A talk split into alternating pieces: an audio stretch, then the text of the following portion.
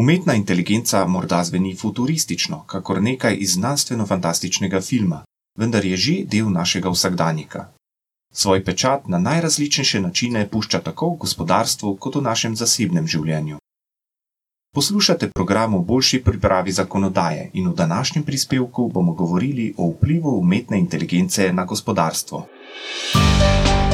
Pojem umetna inteligenca opisuje stroje, ki, podobno kot ljudje, izvajajo kognitivne procese, kot so učenje, razumevanje, sklepanje in sporazumevanje. Pametni telefoni in hišne naprave z umetno inteligenco izvajajo pestro paleto nalog, a vse skupaj sega še precej globlje. Avtomobili Tesla imajo naprimer nekakšne kolektivne možgane.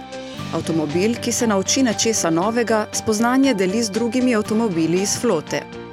Prav tako je vse, kar vidite v družbenih medijih, z algoritmi, ki uporabljajo umetno inteligenco, prilagojeno vašim potrebam. Tehnologija se nenehno razvija, področje njene uporabe pa vse skozi širi. Včasih se pri tem ustaljeni postopki odločanja ter logistični ali proizvodni procesi nadomestijo z učinkovitejšo alternativo. Pomembna prednost umetne inteligence je njena zmožnost, da v zelo kratkem času obdela ogromno podatkov, to pa je omogočilo nastanek povsem novih izdelkov in storitev. Popolnoma odveč je poudariti, da bo tako korenita sprememba občutno vplivala na gospodarstvo. Strokovnjaki si sicer niso enotni, kako obsežne bodo posledice, se pa zato toliko bolj strinjajo o tem, v katero smer bo šel razvoj. Nekateri trdijo, da se bo stopnja rasti umetne inteligence do leta 2035 podvojila, drugi pa napovedujejo skromnejšo, približno 15-odstotno rast. Pričakuje se, da se bo v bližnji prihodnosti z uporabo umetne inteligence povečala storilnost ljudi, saj bo upravljanje delovne sile učinkovitejše.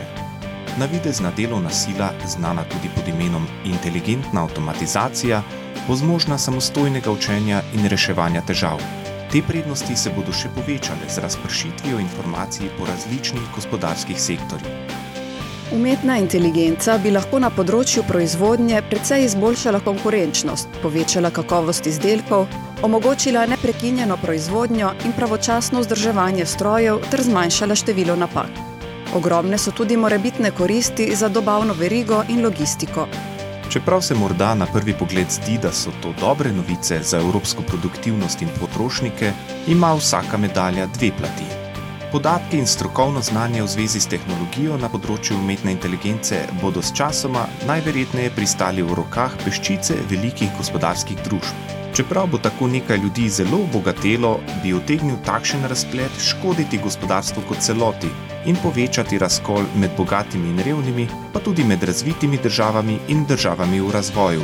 Nadomestitev ljudi s tehnologijo bo brez dvoma povzročila motnje v številnih sektorjih, Pričakuje se, da bo do leta 2030 okrog 70 odstotkov podjetij sprejelo umetno inteligenco v takšni ali drugačni obliki, s čimer bo na področju dela prevladala avtomatizacija. Strokovnjaki si tudi tukaj niso enotni, kakšne bodo posledice za delovna mesta. Nekateri napovedujejo skokovit porast novih delovnih mest, drugi pa menijo, da bodo stroji v naslednjih dveh desetletjih prevzeli več kot polovico delovnih mest v Uniji, ki jih trenutno zasedajo ljudje.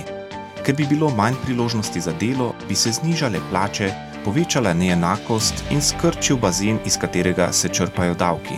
Ni nujno, da se bodo ti pomisleki uresničili, a krmarjanje med morebitnimi prednostmi in pomanjkljivostmi umetne inteligence terja skrbno načrtovano politiko. Če bo Unija pri tem ravnala pravilno, ne bo le zaščitila svojih državljanov, temveč tudi usmerila svetovno umetno inteligenco na najprimernejšo pot. Sprejeti je treba politike, s katerimi se bo gospodarski dobiček iz umetne inteligence razdelil tako, da bo koristil celotni družbi, najbolj ranljive skupine pa obvaroval pred družbeno izključenostjo. Učinkovitejše in na računalnikih temelječe gospodarstvo ne bi bilo kaj prida koristno, če bi zaradi njega morebitni potrošniki imeli na voljo manj denarja. Unija ima na razpolago orodje, da se usklajeno loti tega vprašanja. V obdobju, ko nacionalni organi oblikujejo lastne strategije, je potreba po evropski viziji na področju umetne inteligence še toliko bolj očitna.